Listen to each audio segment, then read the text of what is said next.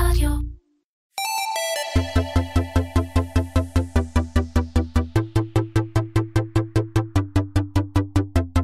Commersation, מדברים על e-commerce עם תימור גורדון, והפעם עם יונתן איבגי, סמנכ"ל סחר ב-DHL אקספרס. יונתן איבגי, איזה כיף לארח אותך שוב, עברו כמעט שנתיים, אתה מאמין? את האמת שלא, ותמיד כיף להיות פה, לא סתם כי אומרים את זה, כיף להיות פה, תימור. אני מאוד שמח לשמוע, ותקשיב, אין מתאים ממך. אה, לענות על השאלה הבאה, והיא, מהו הדבר הגדול הבא בלוגיסטיקה ב-2021? אז יפה שאתה חותך את זה ואומר ב-2021 יש המון מגמות שמעניין להסתכל וחובה להסתכל עליהן לשנים הבאות, אבל אם אתה אומר בשנת 2021, אני חושב שהמגמה הכי מדויקת, הכי חכמה, זה להבין מה קרה פה ב-2020, מה הקורונה עשתה ומה היא השאירה אחריה, אה, בייחוד ובאלף אה, הדגשות על עולם האי-קומרס. אוקיי, אז, אז סקרנת, ותכף ניתן לך לפרוט את זה, אבל uh, בזמן שאנחנו, uh, שאתה חושב על מה באמת הדבר הגדול הבא ואיך אפשר לפרק את זה, נספר לך שאני מוזג לנו יין. המבטא הצרפתי שאתם יודעים הוא לא כל כך טוב, אז נקרא לו ון דה פולי, ששלחו לנו באהבה גלי ויעל מדיוויין מנוי היין של ישראל. מה אפשר להגיד עליו? המון דברים, אבל בקצרה, זהו יין עשיר ומיוחד המגיע מגפנים בוגרות. הגדלות באזור רוסיון בצרפת. אז uh, לחיים. לחיים. יאללה, ובוא נשמח לדבר קצת. אני מחזיר אותך לא, ליום ההוא. אה, 15 במרץ, למי שבמקרה לא הבין על מה אני מדבר, ופתאום, בום, סגר. מה קורה אצלכם ב-DHL באותו רגע? אז אני, אני יכול לדבר על זה שעות, אבל, אבל, אבל לא נעשה את זה. אה, מה שקרה ב-DHL באותם זמנים היה הרבה מאוד אקשן. אה, אנחנו חברה גלובלית מאוד רחבה שנמצאת בכל מדינה בעולם, אז אה, הדאטה, העדכונים, המידע זרם בצורה מאוד טובה. אה, אבל גם אנחנו, אה, כמו רוב העולם העסקי, לקח לנו איזה כמה ימים להבין אה, שזה לא אירוע סיני בלבד. אז בינואר, תחילת פברואר, עסקנו בעיקר בתמיכה בלקוחות שלנו על האלמנט הסיני. אה, אם אתם זוכרים, היה, זה, זה, זה התפרץ דקה לפני החג הסיני, שזה shutdown כזה של שבועיים, שתמיד היבשת הזאת חווה. זאת אומרת, אז עוד חשבו מה עושים עם סין, לא חשבו על העולם. חד משמעי. אוקיי. אה, עד תאריך אה, יחסית מתקדם, אה, איך מוציאים סחורה מסין, איך עוזרים ללקוחות אה, שההייטק הישראלי וה-B2B הישראלי וגם ה e-commerce מאוד תלותי בייצור במזרח, איך אוספים משלוחים מבתים של אנשים, כי הרי הם הראשונים שעברו לעבוד מהבית וכולי, ואיך מווסתים אה, אה, קווי תעופה מהיצרן הכי גדול בעולם, שפחות או יותר ממלא 20-25 מטוסים ביום בזמן שאירוע כזה קורה.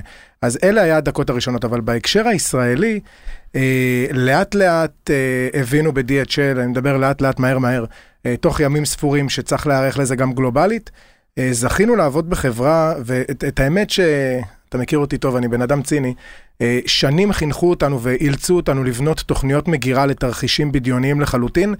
אה, יצא לי להגיד את זה בכמה מקומות, אני ממש אה, חותם על האמרה הזאת, הפעלנו 14 מתוך 15 אה, תוכניות מגירה ביום אחד בישראל. אז עכשיו צריך לבנות חדשות.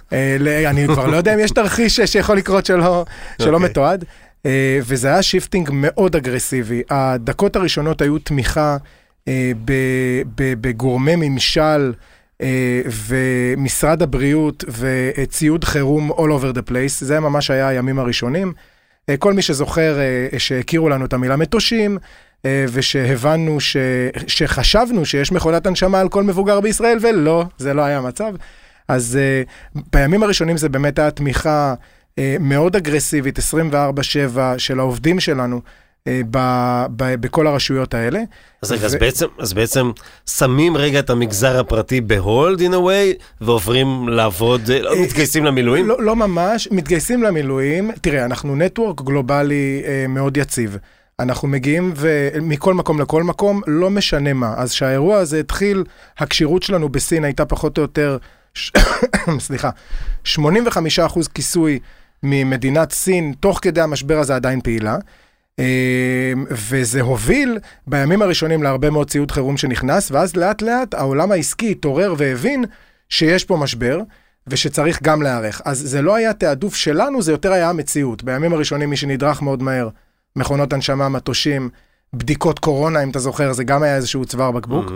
אה, ואז לאט לאט, ממש תוך ימים, לתוך, אה, אה, אנחנו כבר בתחילת מרץ, הקהילה העסקית הבינה שצריך לזרז ייצור, למצוא מקומות אחרים לייבא מהם, אם לא עונים להם כרגע מהמקומות האחרים, אה, ומיפוי גלובלי של אה, אה, מגפה. אה, גם זה היה ב-DHL, ממש ניתוחים סטטיסטיים מה קורה בכל מדינה ואיפה, מה המצב שם. וזה הביא אותנו בערך ל-14 למרץ, שב-15 למרץ גם לנו יש זווית אה, ככה DHLית לסיפור הזה, אם אתם זוכרים את האירוע שנקרא הפיראט האדום, אז אה, בת של עובדת מאוד יקרה שלנו זכתה להיות שם בין המבודדים הראשונים בישראל. זה גם מרחק אה, אוויר מאוד קצר ל-DHL, לא? 700 מטר אווירי בערך, שתי קילומטר, משהו כזה. כן. אה, אני זוכר את הטלפון אה, מאימא שלה, אה, ובאמת זה היה 48 שעות שבהם בישראל, אני לא מנסה להיות דרמטי, זה באמת ככה היה, זה היה מ-0 ל-100. אנחנו עושים פה שחזור. ש- כן. ממש, אז אה, ועברנו ל-60% מכוח האדם עובד מהבית תוך יום, היה לנו את הציוד וההיערכות וכל מה שנדרש בגלל התוכניות מגירה. אה, ופחות או יותר תוך יום המשכנו עסקים כרגיל, הגברנו טיסות אה, והמשכנו לתמוך ככל שאנחנו יכולים. אבל הגברתם טיסות, ובכל זאת, אתה יודע, לא, מתישהו התחילה ההגבלה על טיסות נכנסות, נכון?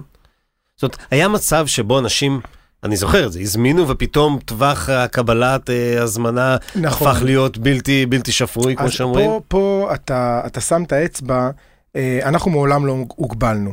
אה, טיסות אה, מטען לא הוגבלו בשום שלב. הבנתי. השדה לא נסגר בהיבט הזה, אבל טיסות מטען אין הרבה. אה, אנחנו זכינו לעבוד בשוק עם אה, מספר אה, מתחרים אה, מאוד מסוים. אה, יש אלטרנטיבות שילוח, ביניהם הדואר למשל, שנשען על טיסות נוסעים. Mhm.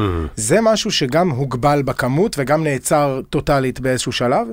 אה, וזה הכל גם משחק של רוצים לטוס או לא, זה לא רק אם המדינה פותחת את השדה או לא. שום ישראלי לא רוצה לטוס, החברות... אז אין ה- טיסה. אין טיסה פשוט, כן. לא משתלם.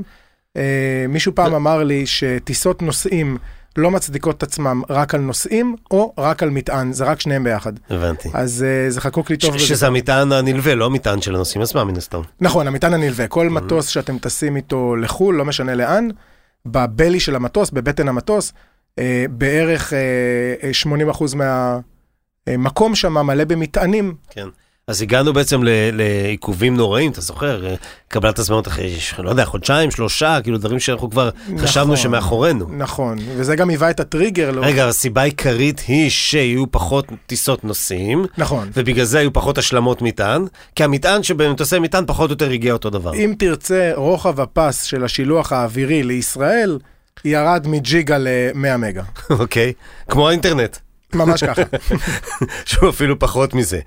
אוקיי, ועכשיו אתם באמת אה, באיזשהו מקום, ואני, אתה יודע, ראינו את התמונות וכולי, אה, כן הפכתם להיות אולי עוגן של... אה, אני ר... שם רגע את האי-קומרס בצד, ממש עוד ש- 60 שניות כבר נחזור נשוב, אליו. כבר נשוב. אנחנו באים, עוברים ל-health commerce, כן. ואתם בעצם, אתה ג'וני חיסוני, אתם הפכתם להיות, אה, אתה קבלן החיסונים הכי גדול של המדינה. תראה, בלי, בלי, בלי טיפת ציניות, אנחנו עוברים שנה שהיא מאוד מרגשת אותנו, גם אישית וגם מקצועית. אה, העובדים שלנו, סוף סוף, אה, אה, כל המשפחות שלהם וכל השכנים שלהם מבינים במה הם עוסקים. אז כן, זאת הייתה שנה מרגשת, היא התחילה באירועים האלה שתיארתי. לכל אורך הדרך, בגלל התופעה שאתה תיארת על רוחב הפס של השילוח האווירי, הביקוש והפניות אלינו גברו, והדבר הזה הגיע לשיא מסוים, תקרא לזה רגשי, תפעולי, איך שלא תיקח את זה, באמת בנחיתה של החיסונים ובכל ה, האירוע המצולם, הבשורה הזאת של נחיתת החיסון הראשון, זה היה נחמד. האופרציה שבאה אחרי זה, שבאמת רוב החיסונים הגיעו עם אה, קבוצת DHL עד עכשיו, אה, מא- מאוד מאתגר, מאוד מרגש. אה, אה, מבצע לוגיסטי מאוד מורכב. ו- ואתה. בעצמך באותה מאוד מאוד מעורב, וזה למעשה, זה- זה זה עליך, נכון? אה, זה, זה קבוצה מאוד מוכשרת של אנשים ב-DHL שניהלה את הדבר הזה, אבל כן, אני אה, זכיתי לקחת חלק אה, ולנהל, אה, בין היתר. אה, ובאותו כן. זמן מורידים רגל מה- מהיום-יום השוטף הרגיל? לא, לא, יש, אה, ת- תראה, ברגע הראשון שהבנו שהרי יש לנו הסכמים מאוד אה, ברורים עם חברות, עם היצרניות התרופ... החיסונים השונות. הם כולם לקוחות שלנו, ועם כולם הייתה מערכת יחסים מאוד אה, אה, קרובה בחודשים שקדמו לזה, כדי לייצר את התהליכים ואת ה, את כל מה שנדרש. אה, ברגע שהבנו שאנחנו עומדים בראש הדבר הזה, אה, התחלנו לעבוד על זה גם גלובלית וגם מקומית. אה, חלק גדול מהתהליכים כבר נתפרו ברמה הגלובלית כדי שזה יהיה זהה בכל מדינה בעולם, אנחנו עושים את זה ללמעלה מ-100 מדינות. אה, אבל תמיד יש התאמות מקומיות, ותמיד יש את הביטחון הישראלי והרגולציה הישראלית שצריך לקחת אותה בחשבון. אז, אני, אני, אני בכוונה רוצה להחזיר אותך, אתה יודע, לזווית הצרכנית שוב פעם של האי-קומרס. אה, שמע, לא צריך לחבר אחד ועוד אחד בשביל להבין שחלק גדול מהפגיעה של היכולת שלנו לקנות דברים בחו"ל ולהביא אותם לארץ, נבע מזה שהחברה המרכזית, החברות המרכזיות עסקו בדברים לטובת הממשל, שלטון, מדינה, ווטאבר.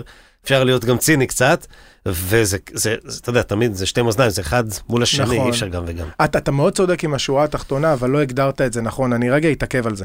אה, DHL ודומיה אה, לא הוגבלו, ולפחות ב-DHL אין לנו מקסימום. אם צריך היום להמריא במקום שתי טיסות ביום, אה, להביא יותר מטוסים, זה מה שיקרה. בשיא של הקורונה הנחתנו גם ארבע מטוסים באותו יום.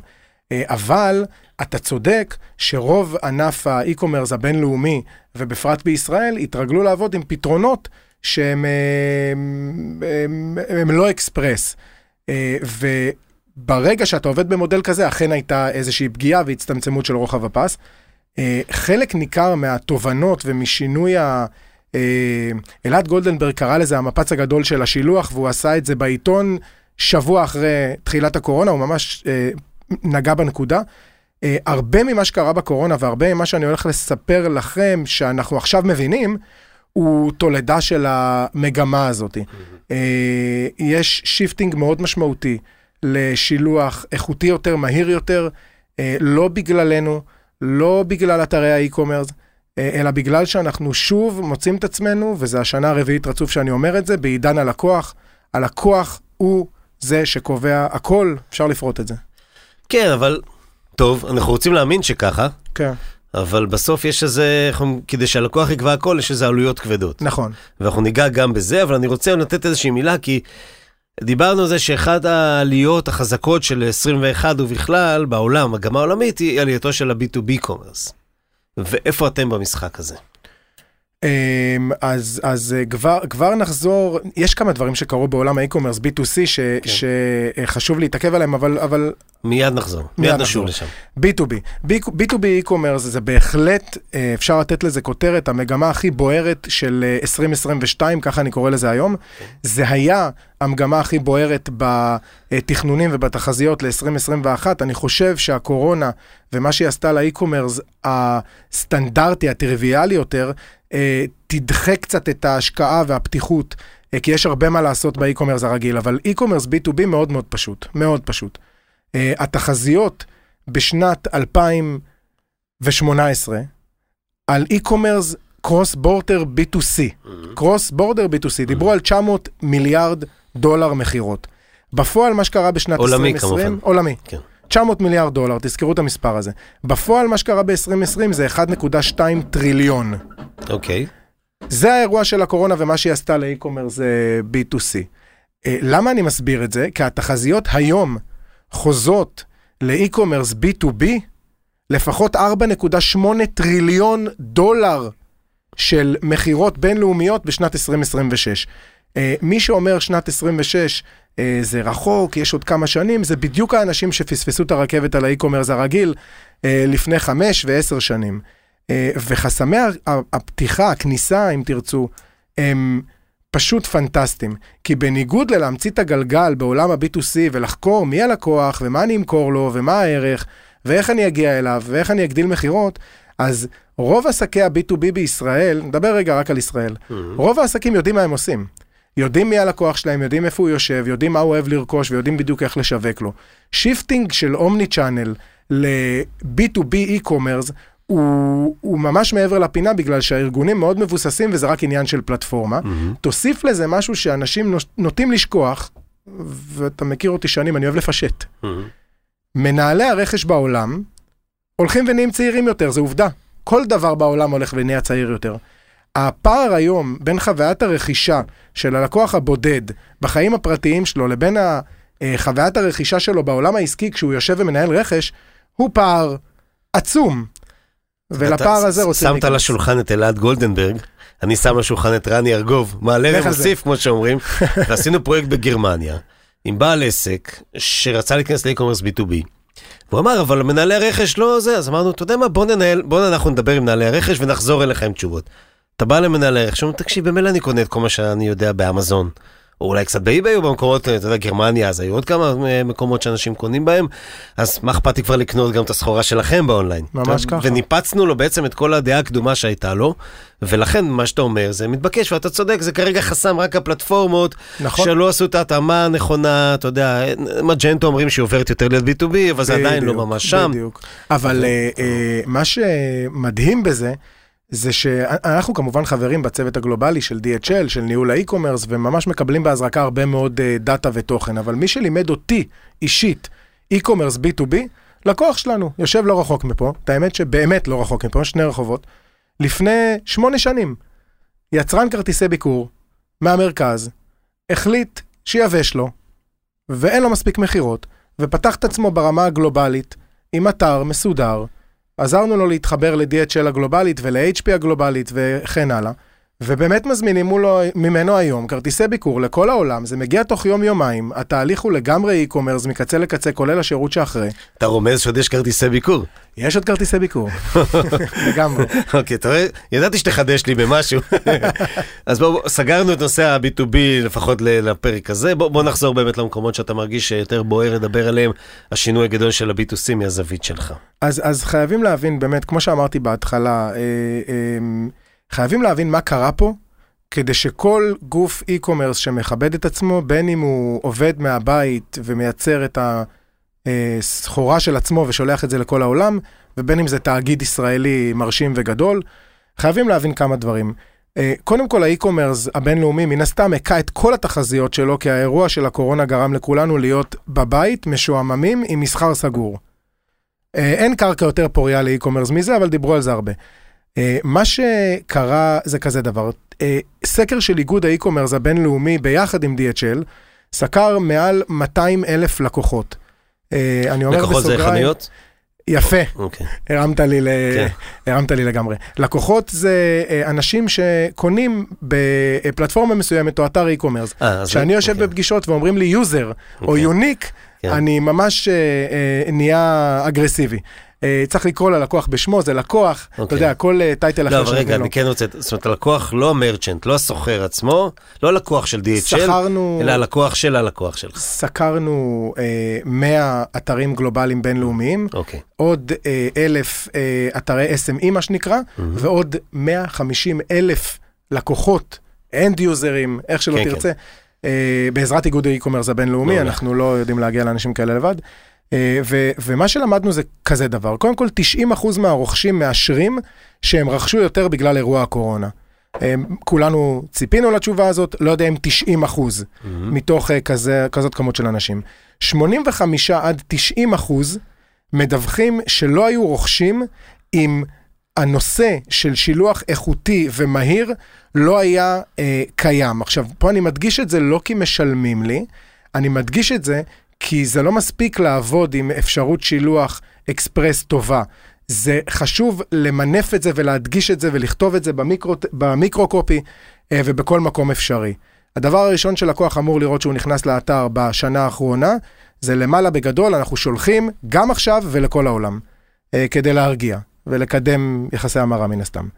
62 אחוז מהלקוחות מדווחים שהציפיות שלהם השתנו לחלוטין מהאתר והלוגיסטיקה בתקופת הקורונה. על הנתון הזה צריך להיתקע. צריך להבין בהקשר של האתר שלכם למה הלקוח מתכוון. האם כן. לא התאמתי את המוצר לקורונה?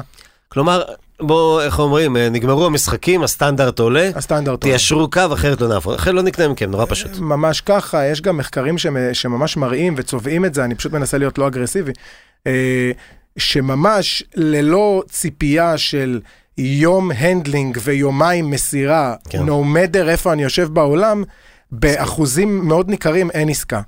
אה, חשוב לשים לזה לב, אני לא אומר שכל אתר בעולם צריך לסגור הכל ולעבור ל-DHL אקספרס, אני מקווה, אני לא אומר את זה, אני רק אומר, תפתחו אפשרויות.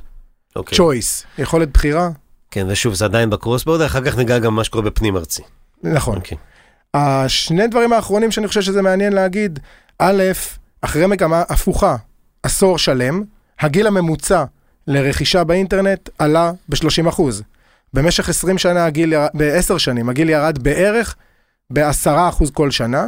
הגיוני, ילודה, דור ה-Z, X, Y, לא, לא זוכר כבר איך לא, לקרוא לא להם, חשוב. מילניומס, נכנסים לתמונה, הגיל כל הזמן ירד, פתאום בשנה אחת הגיל קפץ ב-30 אחוז, זכר לסילבר ג'נריישן שנכנס לאינטרנט, המבוגרים יותר, ששמה בדקנו את זה בצורה יותר מעמיקה, על כל 11 מבוגרים בעולם, מעל גיל 65, אחד מהם ביצע רכישת e-commerce, ו-88% מתוך אלה שביצעו רכישה, מתחייבים שהם ימשיכו ככה.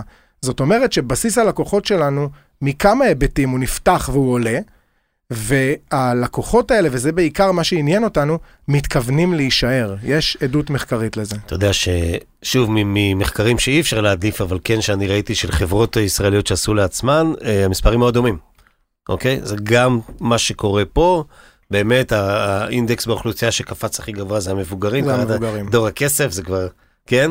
אה, דור ומעלה, כסף ומעלה, וכמובן גם באינטנסיביות של הקנייה וגם בהיקפי הקנייה. אין נכון. ספק שהצמיחה הגדולה היא, היא בעיקר משם, ממש, כי אוקיי. פשוט, אתה יודע, לא הייתה אופציה. כן. אה, אה, זה לא היה עבורם אופציה. זאת לא הייתה, נכון. והם התאהבו בזה וראו את ה... את ה- אתה יודע, יש כסף, ורואים כמה זה נוח וכמה קל, אז כן. בוא נמשיך. אוקיי. אני איתך, אני כולי בקשב על אה, אז, אז. בגדול מה שאנחנו באים ואומרים, וזה המסלולי ייעוץ אה, חינמי שאנחנו עושים אה, מול כל לקוח שלנו, זה לקחת את הנתונים האלה וההתנהגויות הללו, בנוסף לעוד אה, כמה דברים מגניבים שיש לנו, שזה להשוות בעצם אותך אל מול הענף שלך. לנסות להגיד לך כמה כניסות יש לך לאתר ומאיפה, ואם אתה לא שולח לשם אז למה לא? כדי לי- לייצר לך שווקים חדשים. אה, דבר שני זה להסתכל עליך בהשוואה לענף, אנחנו לא מתביישים לעשות את זה ומותר לנו לעשות את זה כל עוד אנחנו לא חושפים שמות. מהמם. אתה יצואן טקסטיל ישראלי, יש עוד כמה כאלה. בוא נראה איך זה מתנהג לעומת הביצועים שלך, איפה אתה מייצר, איפה הם, לאן אתה שולח, מה קונים, ערך אה, עגלה ממוצעת אה, וכולי. יש אז הרבה אז תובנות. נגעת ביצוא. בוא, בוא, בוא כן. נתעכב רגע, בוא נעשה רגע spotlight על, אותי. על היצוא, בדיוק. לא, לא, אני, אתה יודע, אני נהנה פה, אני מאיזה... אבל אה, בוא, בוא נדבר באמת על היצוא. הרי רוב האנשים חושבים ש-DHL בעיקר מביאה דברים לארץ, אבל ממש לא, הרי מטוס שנחת גם צריך הוא צריך להיות מלא בדרך חזרה, ואסור. שהוא יהיה ריק, נכון? אסור שהוא יהיה ואסור ריק. לשים עליו אנשים, צריך שיהיה עליו סחורה. נכון. יופי. אז, אז באמת, איזה שירותים אתם נותנים היום ל- למרצ'נטס, הסוחרים של האי-קומרס הישראלים, בהקשר של ייצוא? אז, אז אמרת מאוד נכון, המיקוד שלנו בכל מה שנקרא e-commerce בישראל זה לתת חוויית שירות מדהימה לנמענים הפרטיים שמייבאים מכל העולם, והקשר המסחרי פה הוא נגמר עם היבוא, פחות או יותר. ביצוא זה לתמוך בכל השחקנים הישראלים כדי לשלוח את כל מה שהם מייצרים פה לכל העולם. אה, נותן כוכבית שהיום חלק גדול מה... לא חלק גדול, חלק מסוים אה, מהיצואנים הישראלים, הסחורה שלהם לא יוצאת מישראל. אוקיי. אה, הם בעצם ה... הלייבל, היצרן, סין, הכל שלו, אבל זה פשוט אה, מיוצר במקום אחר בעולם, בסין בדרך כלל או במדינות אחרות, ומשם מופץ לכל העולם.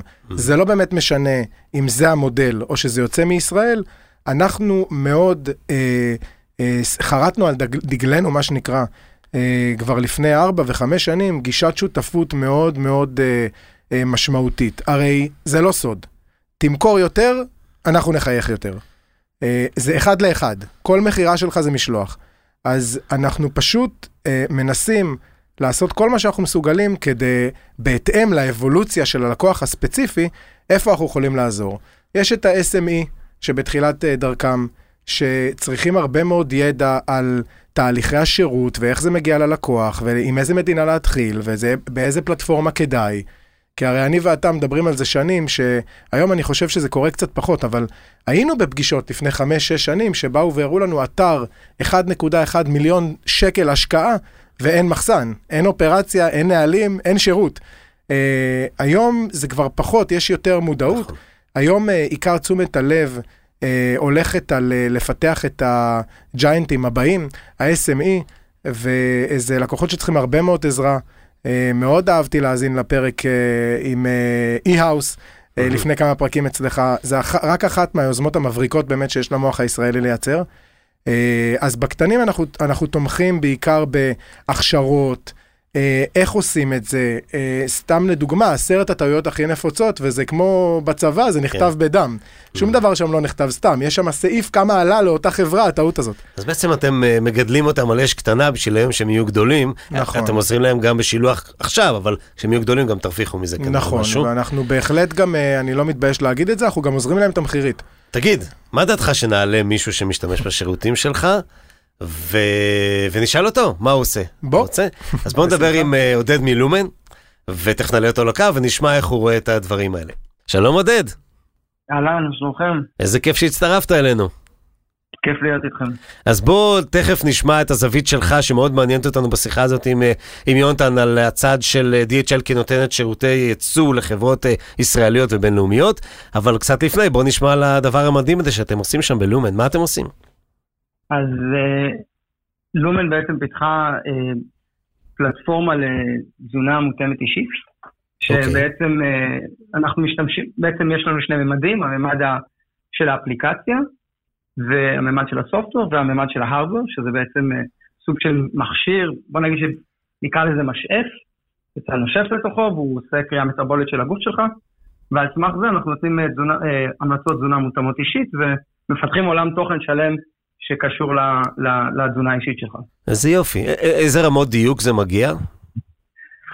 זה, אני לא איש הסיינס, אבל אני יודע שאנחנו משווים את עצמנו למה שנקרא לגולד סטנדרט, ואנחנו נמצאים אה, מאוד גבוה, היי אפ עם אותם אה, גורמים שעושים את הבדיקות האלה באופן מקצועי בבתי חולים. רגע יונתן, אתה משתמש בזה נכון? אחד כזה יושב לי במשרד, ואני משתמש בזה באופן אה, קבוע. אה, בגלל זה הפסקת עם השווארמות? אה, אני משתמש בזה באופן תדיר.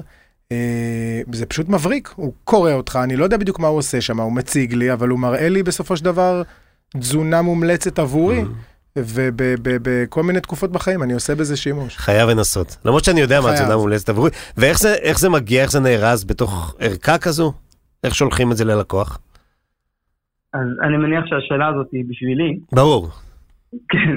אז בעצם כמובן, יש, יש לנו את האריזה שבה המוצר אה, בעצם מתוכנן לשבת ומיוצר, זה שהריטייל פאקד שלנו. וחוץ מזה אנחנו עושים את זה גם ב-ready to ship package, שזה אריזה חומה. אה, אבל בגדול כל התהליך אה, נעשה, ב, נעשה בהונג קונג, אנחנו בעצם בחרנו למקם את המחסן הקדמי שלנו דווקא במזרח, מכל מיני טעמים. והוא בעיקר בעיקר, בערך 99% מהמשלוחים שלנו אנחנו עושים בעזרת אה, שירותי אקספרס. אוקיי, לאן? באיזה מקומות בעולם? כמו כל חברת, אני לא יודע אם כל חברת, אבל כמו הרבה חברות consumer electronics, לקחנו על עצמנו את המסע המטורף של למכור בעצם כמעט בכל העולם. אנחנו כמובן, אנחנו לא פתוחים למדינות שיש אה, קושי תפעולי מאוד גדול להגיע אליהם, או שיש מכסים שהם ממש, אה, שקשה מאוד להתמודד איתם, אבל בגדול אנחנו כמעט בכל מקום בגלובוס שאתה תבחר אה, להיכנס לאתר שלנו ולקנות ממנו מוצר, אנחנו נשלח וזה יגיע אליך. אבל הנתח שוק העיקרי הוא בארצות הברית, אני מנסה לנחש? כן, מה שאני מנסה להגיד, כן. Mhm. בגדול התשובה היא כן, זאת אומרת, זה, זה באופן טבעי איפה, ש, איפה שיש יותר עניין בדברים האלה. כמובן שזה אותן מדינות דוברות אנגלית בתור התחלה, שזה בעיקר ארה"ב, קנדה, בריטניה וכולי, ואחר כך אנחנו רואים אה, באופן שהוא קצת הולך ויורד, אה, אה, מדינות באירופה, ואז מדינות גם באסיה ואפריקה וכולי. נשמע- אבל כן, נש- רוב, המח... רוב מוחץ של המכירות ארה"ב באופן טבעי. נשמע נהדר, ובעצם אתם, מרגע שסיימתם להכין את ה pick and pack, את ההזמנה במחסן שלכם, מאותו רגע זה בעצם בידיים של המקבילים של יונתן, של DHL, אה, עד בית הלקוח במדינה שממנה הזמ- הזמינו? אז כן, אנחנו, אנחנו התחברנו עם DHL בצורה יחסית מעניינת, כי בגלל שאנחנו באופן טבעי עושים את כל, ה, את כל התפעול של המשלוח בעצם אה, מהונג קונג, באופן טבעי היינו צריכים להשתמש או בשירותים של, או בשירותים של חברה אחרת, או בשירותים אפילו של DHL שנמצאת בהונג קונג, אבל דווקא ביחד עם הצוות של יונתן בנינו פתרון לדעתי מאוד מאוד מעניין ו- ו- וחדשני, אבל לא עשינו את זה לשם החדשנות, עשינו את זה כי זה פשוט עובד פי אלף יותר טוב מכל, מכל שירות אחר ש, שהוצע לנו. אה, שאנחנו בעצם משתמשים בחשבון הישראלי שלנו, אה, ובעצם אנחנו עושים איתו את כל, את, בעצם 99% מהפעולות שלנו בעולם נעשות על ידי חשבון DHL ישראלי. אה, וזה טוב לנו מכמה טעמים. קודם כל מבחינה מסחרית נוח לנו והכל טוב, אבל דו, דווקא אני לא רוצה לצלול את זה, אני רוצה לדבר על זה שיש לי בן אדם שהוא בטיימזון שלי, ויש המון תקלות. אה, באופן טבעי, יש המון תקלות, כשאתה מזיז אל, אלפי מוצרים בחודש. נכון. יש תקלות, אם מכשיר נתקע במכס, מכשיר לא הגיע, באמת, אני, אני, אני לא יודע כבר באיזה סיטואציה לא נתקלנו בה. אה, מכשירים חוזרים אחורה, ויש לי תמיד בן אדם בטיימזון שלי, שמדבר בשפה שלי, ו, ו, ויש לו את כל הידע ואת כל הכלים שיש ל-DHL, הוא עושה לי את כל השורטקאט, במקום שאני אסע, לא אסע, אבל בטלפון ידבר עם הונג קונג כדי להשיג מידע על משלוח שנמצא בארצות הברית, אני אעשה את הכל מפה, סתם דוגמה.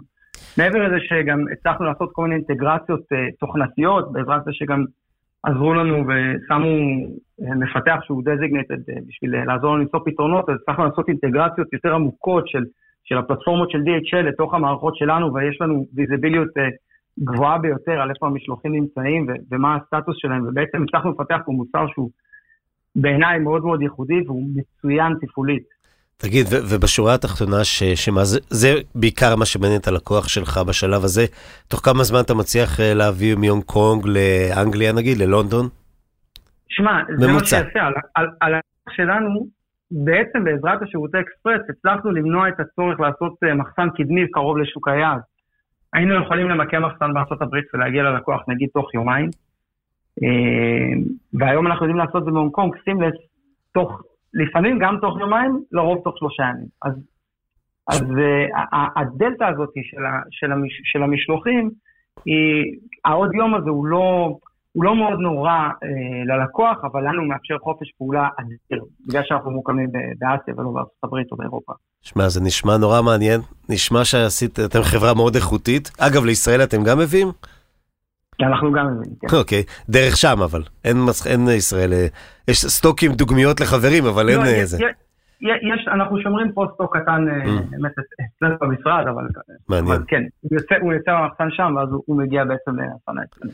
יאללה יופי, אז שיהיה בהצלחה עם לומן ובכלל עם כל התהליך הזה, נשמע שאתם אה, אחד מהחברות האלה שמנסות לשנות את העולם, וזה נשמע שזה, תמשיכו בכיוון הזה גם תצליחו.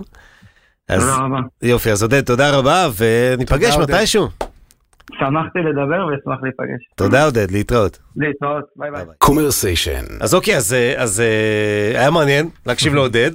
אה, ובואו נעשה הפוך, בואו עכשיו נדבר קצת על יבוא, כי אתה יודע, אחד הפנים של יבוא, ואתה ואני נתקלנו בזה לא פעם, זה שזה נראה נורא יקר. נראה נורא יקר, אתה יודע, בטח אם אתה מביא מוצרים שהערך הממוצע של, של uh, SKU, I don't know what, הוא 20 דולר, פתאום, כן. כשאתה מעמיס את זה על כל פר מוצר, זה נראה המון. אז בואו ננסה להבין אחת ולתמיד איך נראה מודל התמחור בכלל של יבוא mm-hmm. מחו"ל לישראל. אה, בכיף אני אומר, ב e-commerce לגמרי, אני רק אסייג את עצמי בהתחלה, אנחנו... disclaimer כוכבית, לא נותן מחירים מדויקים. כן. לא, לא, לא.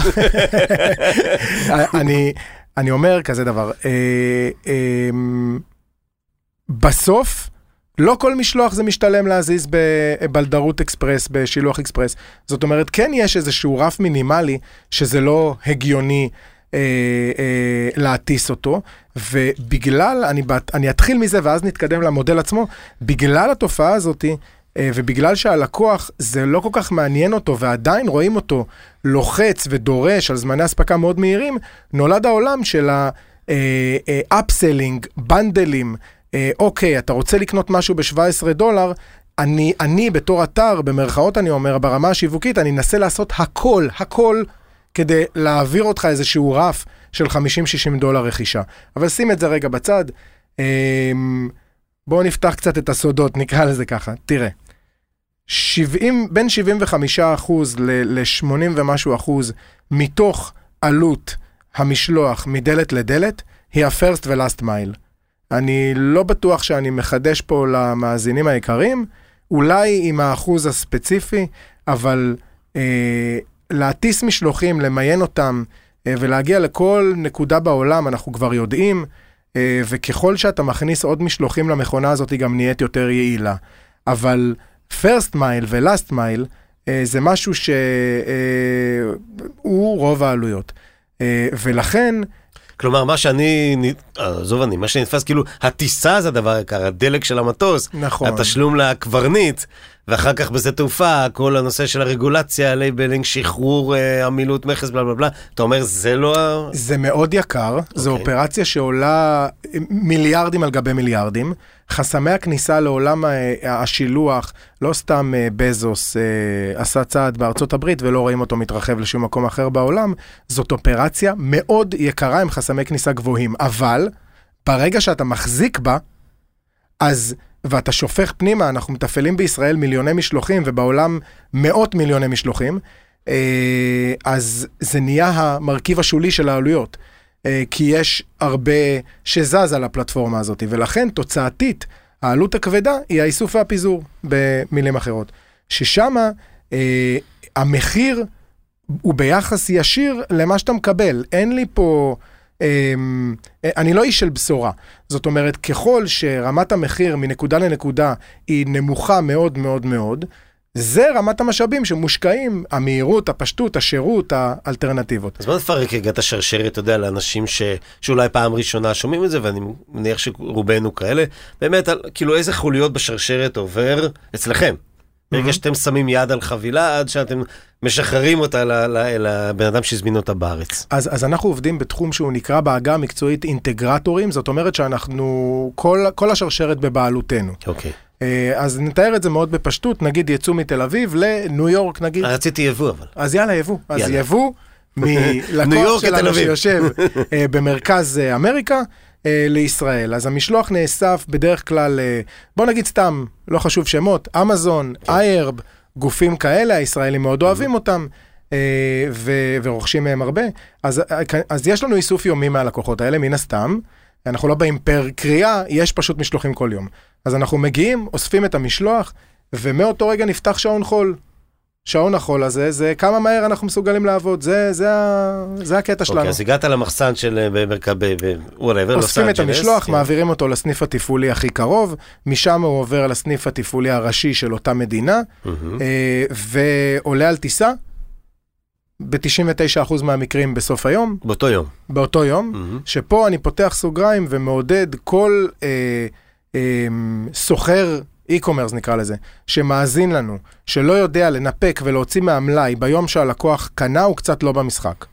אה, כי הרבה מהזמני אספקה שהלקוחות מצפים, הוא אצלכם ביד ולא אצלנו. ספקו את זה ביום שבו הוא הזמין, תגיעו למהירות המקסימלית. אה, יש לקוחות שמספקים כמה פעמים ביום, בהתאם לטיסות שלנו אפילו. אז נאסף בארצות הברית, עבר לסניף התפעולי, משם לסניף העיקרי, עלה על טיסה באותו ערב. באותו רגע שודר לנו הכל לתוך ישראל, זו נקודה חשובה. הניירת של המשלוח, הדאטה הזאת בצורה דיגיטלית, אה, משודרת אלינו ואנחנו משדרים אותה למכס ישראל, שגולת הכותרת זה להגיע למצב שברגע שהמטוס נוחת בישראל, אנחנו לוחצים על כפתור ומשחררים אותו ממכס. זמן אפס. אוקיי. ככה המודל שלנו. עושים. רק דגימה אקראית, אה, או שסומכים, זה במסגרת... המכס יש לו את האפשרות. אה, לדגום איזה משלוח שבא לו. אה, פיזית או לא פיזית, זה. אני לא רוצה להיכנס לזה. זה הגרוזינים הבריונים. נכון. אה, לא, לא, האמת לא. שהם היום, אה, היום, גם שם העולם השתנה. ילדי הייטק. גם שם העולם השתנה, אוקיי. וגם שם יש הרבה מאוד ראיית לקוח, אחרי הרבה מאוד שנים, ואנחנו בקשר מאוד טוב איתם. אבל לא, אבל הכוונה שלי, כדי שהמכס יוכל לבחור מה בא לו לעכב, כן או לא, או לבדוק, אה, אנחנו צריכים לשדר את המאה כן. אז הוא רואה מה שיש שם. נכון. עוד באותו לילה. ממש. עוד באותו לילה. אוקיי. בינתיים המשלוח הזה עובר מארצות הברית, דרך אה, אחד מהמרכזים הגלובליים שלנו, או בבריסל, או בגרמניה, אה, ומשם מתחבר לטיסה לישראל.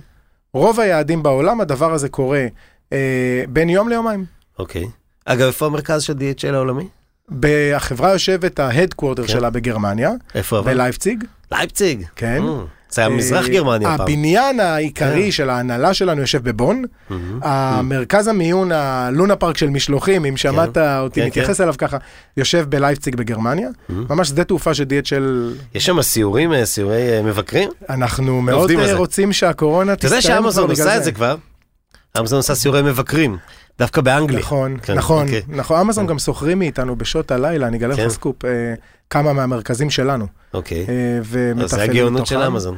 הם אה, טובים במה שהם עושים, תשמע. רגע, אז, אז נחתנו בארץ? כן. נחתנו בארץ, המשלוח אה, שוחרר מהמכס, עובר... זה יכול לקחת עניין של שעה, שעתיים? זה, יכול- זה מאוד תלוי איפה אתה יושב בארץ, יש מקרים של שעה-שעתיים, זה יוצא אה, אוקיי. על שליח בדרך אליך. או. אה, משם? מהשדה תעופה, לאן זה הולך? למרכז המיון שלנו שנמצא באיירפורט סיטי, אוקיי. ממש אה, Mhm. שתי דקות נסיעה משם, ממוין לסניפי התפעול השונים. אה, רוב המשלוחים של אה, אזור, אה, תקרא לזה גדרה חדרה, יוצאים לפיזור באותו יום. האזורים האחרים מועברים לסניף קדמי יותר שלנו, שממיין ומפיץ את זה יום למחרת. אה, אבל אני חייב להגיד לך שהלקוח הישראלי, אם אני מנסה ממש לדבר בהכללות, אה, פחות לחוץ לו לקבל את המשלוח ביום הנחיתה. הוא שם יותר דגש על החוויה הטוטלית והשקיפות הטוטלית. מסכים. כל עוד הוא לא יודע איפה המשלוח, זה מאוד מציק לו. ולכן אנחנו נוטים אה, אה, לשקף בצורה מאוד אינטנסיבית. בוא ניקח לדוגמה, נגיד, מי שאני חושב שמביא לארץ בצורה הכי טובה ומהירה זה זרה. נכון, הם עושים את זה מאוד מהר מאוד עושים את זה יפה. מאוד מהר מאוד יפה. אז זה בעצם, הם עובדים בשיטה הזאת בעצמם או דרך חברות כמוכם? הם אה, הרכיבו מודל טיפה שונה, כי הצרכים המכסיים שלהם היו טיפה שונים. בגלל שזה אופנה? אה, אני לא, אני לא יודע, אני, אוקיי. אני, אני יודע, אבל אני חושב שזה עניין, אה, אתה יודע, אוקיי, שלהם, של. המשחקן, אבל כן. כן, אה, אבל הם עובדים בצורה טיפה שונה, הם הרכיבו לעצמם תהליך עם, עם, עם אה, מספר חברות על פני השרשרת. אנחנו לא מטפלים במשלוחים שלהם, מאוד דומה, מאוד אוקיי. דומה, מאוד דומה. ככה הם צריכים להגיע תוך חמישה ימים לישראל פלוס מינוס. נכון, אני כן. חושב שהגורם המעכב העיקרי בשרשרת זה ה pick and pack בהקשר שלהם. שם. שם. Mm. טוב, באיזשהו כשיש לך. מידות וצבע זה תמיד קצת. יותר מורכב. בכלל, עולם הטקסטיל ב e-commerce כן, הוא, הוא הוא קצת מורכב. יותר מה- מאתגר, כן. מורכב. יופי, אז הבנו. וכל הדבר הזה אתה בעצם מתמחר ללקוח שלך במחיר אחד, זאת אומרת, כמובן, תלוי כמה משלוחים, אבל בגדול, כן. זה פיקס, נכון? אתה לא מפרק לו את זה. תלוי כמה משלוחים, בהחלט, אבל לא, אנחנו לא מפרקים את זה. אה, אה, יש לנו מחיר לפי משקל, מדלת לדלת, שהוא כולל את כל העלויות על פני השרשרת הזאת. Mm. כי, כי מה שאני מכיר, תמיד זה היה כל כך מורכב לחשב ככה וככה, ולפי הגודל, לפי הנפח, ומאיפה אתה מביא בארצות הברית, וכמה זמן, ואיזה מטוס, ואיזה טיסה. שאתה, לגמרי. אין לך סיכוי לדעת כמה זה עולה בסוף. לגמרי, רק כשאתה מקבל חשבונית. הבטן שלי כל כך מלאה, תראה, אמרתי... תוציא, אמרתי תוציא בן אדם, דקות- תוציא. אה, תראו, לא בכל מחיר, יש בהחלט אה, ערכים של מוצרים שלא משתלם לשלוח בשום דרך אחרת חוץ מאיזה free shipping שמגיע תוך שבועיים שלושה. אבל בהחלט יש מגמה alive and kicking משמעותית מאוד של הגדלת מכירות באמצעות שילוח. אנחנו ספציפית מדברים על זה כבר שנים, אבל בשלוש שנים האחרונות זה מרוח על כל המחקרים. מה הדבר הראשון שאני אומר, זה שכל חברה שחושבת שאנחנו יקרים יותר מהאלטרנטיבה שלה, קודם כל תכניסו הכל באקסל, אל תגלו לי מילה. תכניסו את הכל לתוך אקסל ותשוו בצורה נכונה. יש חברות ופתרונות שמראים חלק מהעלות ובחשבונית רואים את החלק האחר, זה מאוד, אה, זה אפילו לא לעניין. כלומר, צריך לדעת לקחת את הכל בחשבון. בנוסף לזה, רק כדי לתת טיפ על הכיוון, אם יש בן אדם שלם אצלכם בחברה, אה, או שזה אתם, כי אתם עצמאים אה, אה, זעירים, מה שנקרא, אה, שחצי מהזמן שלכם הולך על לנהל את הדבר הזה, אנא תכניסו את העלות של אותו בן אדם לתוך האקסל, בגלל שכשעובדים מאוד נכון, אז לא תמיד צריך אותו. Okay. אוקיי. כשמשווים נכון, ברוב המקרים אנחנו בסדר גמור פלוס. פלוס, פלוס. אז שחררת? תודה. אבל בואו, אנחנו במסגרת אה, פינתנו אה, דורכים על הפצעים ועל כן. ההבלות של האי-קומרס הישראלי, ובכלל, אז בואו נדבר על עוד נקודת כאב, וזה נקודת, אה, נקרא לזה, ה-last mile. זה מין אה, הפך להיות איזשהו סוג של הנחה מובנית, והיו פה אצלי הרבה מאוד אורחים ש, אתה יודע, פה אחד אמרו, הבעיה שלנו בישראל זה ה-last mile. פרק לנו את זה, תסביר לנו את זה. אה, אתם. גם עושים last mile. אנחנו In a way. כתוצאה מכל כן. הבינלאומי בקצה שלנו, השרשרת. בדיוק, נכון. עושים... אבל אתם לא עושים רק last mile, אין לכם domestic מנקודה לנקודה בישראל. אנחנו לא מעודדים משלוחי domestic בישראל, יש לנו את המוצר הזה, אני אהיה כנה. אה, הוא שמור וייעודי בשביל לקוחות אה, בינלאומיים שלנו, שזה משלים להם צורך, אנחנו לא עושים זה. ה plan B ה-15 שלא הפעלתם. פחות או יותר, כן, אתה- יודע, כן. אוקיי. אה, אז אני, כן, אבל לקוחות שיש להם צורך רק במשלוחים פנים-ארציים בישראל, אנחנו לא הכתובת. אוקיי. אז בכל זאת, last mile. ובכל זאת אנחנו מאוד מבינים ב-last mile. אה, אני חושב שהיקף המשלוחים הבינלאומיים שלנו גדול מכל חברות ה-last mile בישראל, אני אומר את זה בזהירות, אבל זה בערך הכיוון.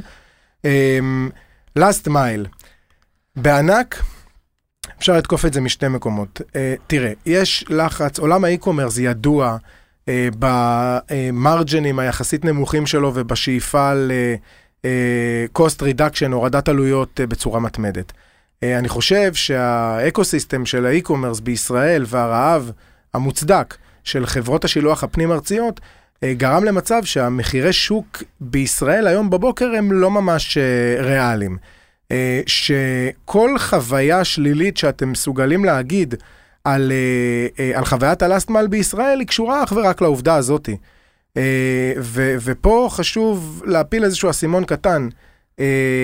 אנחנו כולנו לקוחות. מה שאתה לא אוהב שעושים לך, אל תצפה שהלקוח שלך ימשיך לקנות אם אתה עושה לו. אה, רד למטה, זה לא היום, זה מחרתיים. אה, או אומר, שתיקה זה... רועמת של כמה ימים טובים. אתה אומר שזה DNA וחוסר תשומת לב, זה לא שאין את הטכניקה, או ש... שגם. לא, יש את הטכניקה, יש את הטכניקה לעשות את זה מדהים. אה, יש אה, מספר חברות מצומצמות בישראל שכן עושות את זה מדהים. נכון. אה, והחוויה אצלהם היא אחרת. התמחיר אצלהם הוא באמת אחר, רואים את זה.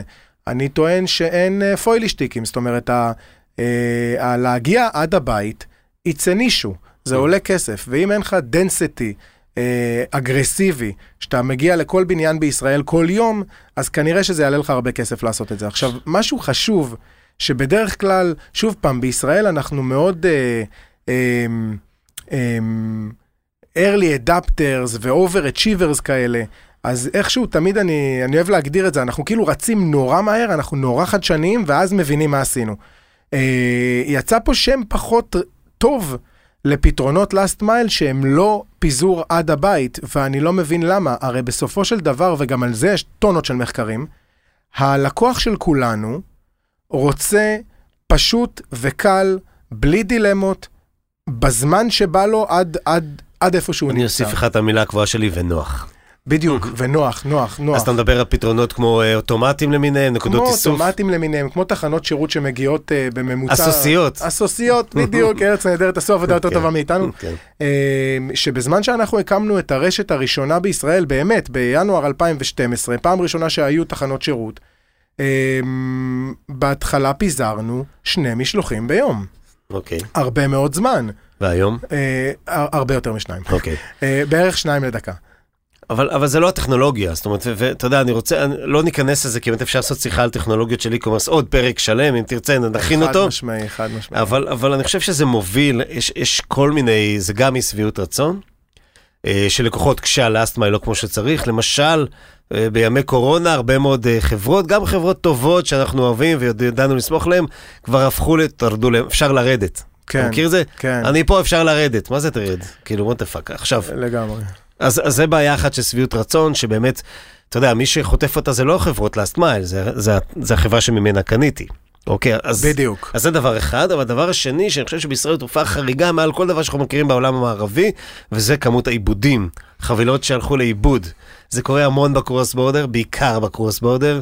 אה, אני יכול להגיד אה, משיחה off the record שאני קיבלתי ועשיתי, לא יכול להגיד מאיזה ארגון, לא, לא מהחברה שאתה עובד בה, שחברה מאוד גדולה, שמדברים על uh, סדר גודל דמיוני של בין 10 ל-15 אחוז איבודים אחרי שחבילות כבר נחתו בארץ. עכשיו, אני יכול להגיד מהחוויה שלי, ואני לא זוכר אם סיפרתי על זה פה, קיבלתי לפחות פעמיים בשנה האחרונה, הזמנות מחו"ל, שכבר קיבלתי את ה-SMS, אני, שזה נחת בארץ, זה מופיע לך, אתה יודע, על השרשרת שאתה יכול לראות אה, איפה אתה נמצא בטרקינג, mm-hmm. שחבילה נחתה בארץ, ובאותו רגע היא נאבדה, נעלמה. עבדו עקבותיה, אין נודע, אוקיי? לעבר חור שחור שאי שם נמצא כנראה. אצל בבית של מישהו אחר, אבל זה אני לא יודע. אז, אז איך באמת, אוי. תופעות העיבודים, תן לי אה, משהו. כן, אני, אני אנסה לתת לך משהו, תראה. 10 ל-15 אחוז, אתה מבין אני, מה זה? אני מכיר את זה טוב. 100 מיליון משלוחים בשנה. מטורף, זה, מטורף. זה, זה 10 מיליונים, כמה? לא, 10 לא, מיליון? גם, גם הרכילות הזאת גם הגיעה אליי, בוא. כן. בוא, בוא, בוא, לא חשוב שמות. בוא נקטין ל-5 אחוז, בסדר? בדיוק. מ-100 מיליון חבילות בשנה, זה, זה 5 אני, מיליון אני חבילות שיכול לאיבוד. אני טוען ש-1 אחוז זה מזעזע, אבל אני לקוח כמו כל לקוח, אז אני חווה את זה גם אני, בזירה הפרטית. אה, זה קורה יותר מדי אה, מקרים. אני חושב שה... אה, שורה התחתונה זה כן המגמה שאני מזכיר, שבו אנחנו לוחצים על עלויות כמה שיותר נמוכות. ו- ושולחות בעצם את חברות השילוח המקומיות להמציא את הגלגל ולנסות לעשות יש מאין, ולפעמים זה פוגע בתהליכים. אני אגיד לך כזה דבר, הפתיע אותי נורא הרכילות הזאת, כי המספר הזה נשמע לי קשה מאוד. הייתי קורא לזה הדלפה, לא רכילות. אה, כן, זה לפחות הגורם שאני מכיר. הרבה שמעו על זה, כן, כן. לגמרי. אה, תראה, ב-DHL אנחנו אומרים את זה ומתגאים בזה, אנחנו לא מתחמקים, אנחנו מאבדים 0.0001 אה, משלוחים על כל 300 אלף משלוחים. אה, זה עולה כסף, זה מצריך תהליכים מאוד מבוקרים. נראה לי שנתת את הנוסחה של מהירות האור בטעות. אה, לא, לא, לא, לא, לא, אני בדקתי אוקיי. את הנתון הזה היום בבוקר רק כדי לראות שבהרצאות אוקיי. הסגורות שאני עושה מדי פעם אני מדייק. כן. אה, זה באמת נתון אמיתי. אה, זה בגלל שאנחנו נוגעים במשלוח כמה שיותר פעמים ויודעים איפה הוא בכל רגע נתון. האם יש לנו חשש לאובדן? סימן שאלה, כן, בשוליים קורה. שאנחנו לא יודעים איפה משלוח מסוים, זה מאוד חריג גם זה אצלנו, לא יודעים איפה הוא כרגע, אה, ואחרי כמה שעות אנחנו כן יודעים איפה הוא, כי אנחנו יודעים לתחקר ומצלמות וידאו וכל הדברים האלה. העניין הוא עד כמה אתה פתוח לתלונה של הלקוח ואתה לא נהיה רג, אה, over אה, כהה חושים כי משהו קורה הרבה. אה, אנחנו לא במספרים שתיארת, אני חושב שזה מזעזע שיש גופים שהם כן, אה, אבל אני יותר מכל יודע להגיד לך שהלקוח מצביע ברגליים, אה, ו, ורואים, רואים, לא קשור קורונה, גם אה, רגע לפני הקורונה, עובדה שחמישה אחוז מהמשלוחים שהיו נכנסים לישראל עד 2018 היו בשיטות שאינן דואר, והנתון הזה צמח לעשרה אחוז מעוגה הרבה יותר גדולה בשנת 2019 לפני שהייתה קורונה. אז, אה, אז אני חושב אוקיי. שהשוק מדבר... כן, כן, גם 20 ירדנו, ראינו לפי הדיווחים של הדואר, ירד מ-65 ל-50. בגלל הנושא של הרוחב פס, נכון. נכון, זה לא קשור לזה, אבל אני רק אסגור את הפינה הזו. אחת ההשערות שלי לגבי נושא העיבוד הבאמת מספרים לא הגיוניים של חבילות שמגיעות מחו"ל, זה הידיעה של מי שמאבד את זה, שכנראה החברה שקניתי ממנה תפצה אותי, ובעיקר אמזון, אמזון לא יתווכחו איתך, תגיד שזה בחיים. לא הגיע, ייתנו לך את הכסף חזרה, נכון. לא ישאלו פעמיים, נכון. ואני חושב שהם בונים קצת על זה, אבל אה, בואו נסגור את הפרק הפחות נעים ונעבור למשהו נחמד, ואני רוצה גם להתחבר קצת אה, אליך. על הצד האישי, כי כן קרו לך דברים משמחים, וכן, אה, בוא, א- איך אתה חיית את השנה הזאת בתור יונתן איבגי, שעשה מיליון דברים, כולל ילד, כולל עוד כל מיני דברים. יפה, וואי, יש לך זיכרון. כן. אה, תראה, שנה, לי זה מרגיש כמו יותר לכיוון שלוש, ארבע שנים. אה, שנה אינטנסיבית, אה, גם ברמה האישית, גם ברמה המקצועית, אה, שנה של שיאים, אתה יכול לקרוא לזה. אנחנו מאוד מתרגשים ממה שאנחנו עושים, גם אני באופן אישי. כן, נולד לי בן אחרי בת, אה, מיוחל, חיכינו לו הרבה זמן. אה, וזה גם אושר מאוד גדול שאני עדיין אה, לא נרגע ממנו, הוא בן שלושה חודשים עוד מעט. וברמה האישית גם, אני חייב להגיד לך, אני הכי משעמם בעולם. אני, חוץ מלעבוד, לא עשיתי יותר מדי, זאת הייתה שנה באמת אינטנסיבית, אבל צרחתי e-commerce כמו משוגע. צרחת גם בחטא. צרחתי גם הרבה בחטא, נכון. אבל בטוב, עם חיוך. כן, אבל הייתה תחושה של אה, סטרס במסדרונות, מה שקרוי? יחסית אה, לשנה שעברה נגיד. כן, סטרס, סט... אבל אני חייב ל... תראה, כל אחד מאיתנו בסטרס יותר בגלל האי ודאות שאנחנו חיים בה, היה, אבל היה סטרס מאוד חיובי. ב- בימים הראשונים היה סטרס המצאת ביטוי סטרס חיובי. כן. אה, כן, לא, כי אני לא יודע איך להגדיר את זה, נכון, בימים הראשונים היה סטרס, כי, כי זה שיחות ועידה גלובליות ושינויים בעולם, ואתה צריך לדעת מה קורה בכל מדינה ולתקשר את זה ללקוחות. אתה צריך לקחת אה, מערכות יחסים מאוד אה, שירותיות, שיווקיות עם לקוחות, ולהמיר אותם ב shifting בזמן אפס לדיגיטל, מה שנקרא. אה, אז העשייה באמת הייתה מסביב לשעון. הסטרס אה, היה קצת גדול בהתחלה, ככל שנכנסנו לתוך הדבר הזה, אה, הרגשנו שאנחנו מקיימים את השליחות שלנו באמת. אתה יודע כמה שאני בן אדם ציני, אבל את זה אני אומר ברצינות. DHL בעולם שמה לעצמה, כמו סלוגן כזה, Connecting People, Improving Life. ובאמת הרגשנו ככה, פתאום דבר כזה קורה, ואתה פותח קו לאמירויות ולמרוקו ולבחריין, אה, ומביא את החיסונים ותומך בעסקים, אז רק נשאר להגיד תודה. אה, וכן, כן, גם ברמה האישית, לא יודע למה, מה לאחל לעצמי לעוד כמה שנים, לא יודע. מה אתה, אני חושב שאתה בדרך הנכונה. תראה, אני- אני מסתכל אה, אחורה או קדימה, אחורה, קדימה.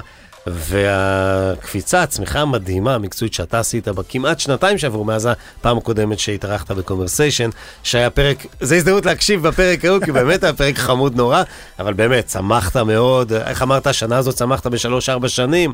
אה, אגב, גם שינוי התפקיד, משיווק, pure שיווק, למקומות של סחר ו biz dev והתעסקות בדברים יותר גדולים.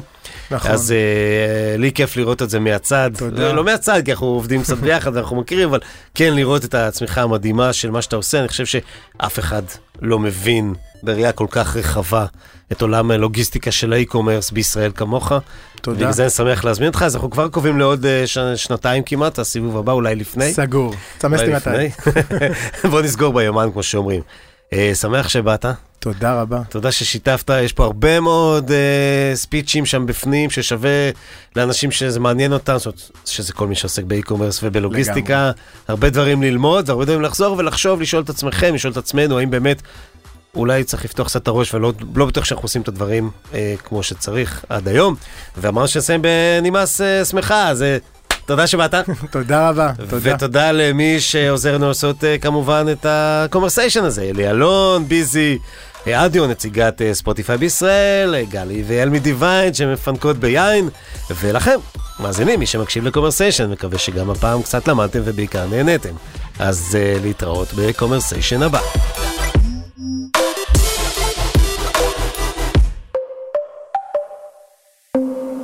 קומרסיישן עם תימור גורדון.